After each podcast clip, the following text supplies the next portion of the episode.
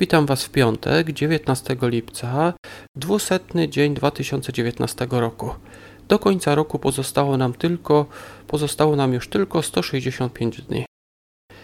Ja jestem dalej na wyjeździe, tak więc dzisiaj będzie krótki komentarz z księgi Izajasza do jednego rozdziału i do trzech wersetów z księgi Przysłów. Izajasza, rozdział 24. Ten rozdział mówi chyba o sądzie ostatecznym, czyli nie jest to proroctwo dotyczące któregoś z narodów w czasach Izajasza, tylko dotyczy chyba czasów y, końca tego świata.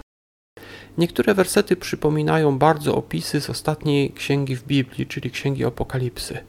Na przykład Izajasza 24:21 Nastąpi w ów dzień to, iż Pan skaże wojsko niebieskie tam w górze i królu ziemskich tu na dole.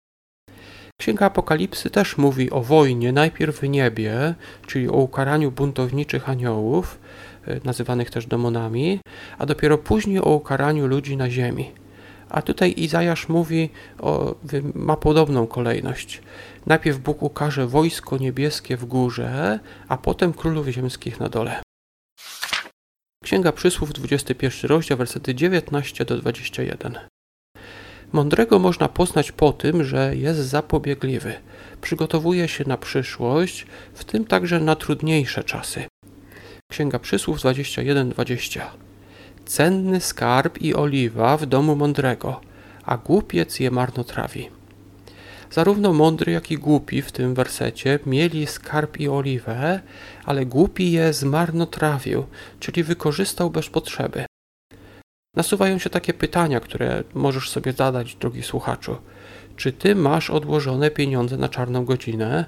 Czy masz może zapas jedzenia, gdyby nagle przyszedł jakiś nagły kataklizm? Zadając sobie takie pytania, możemy sprawdzić, czy należymy do mądrych, czy też do głupich. Myślę, że warto sobie zadać takie pytania, kiedy czytamy werset jak ten.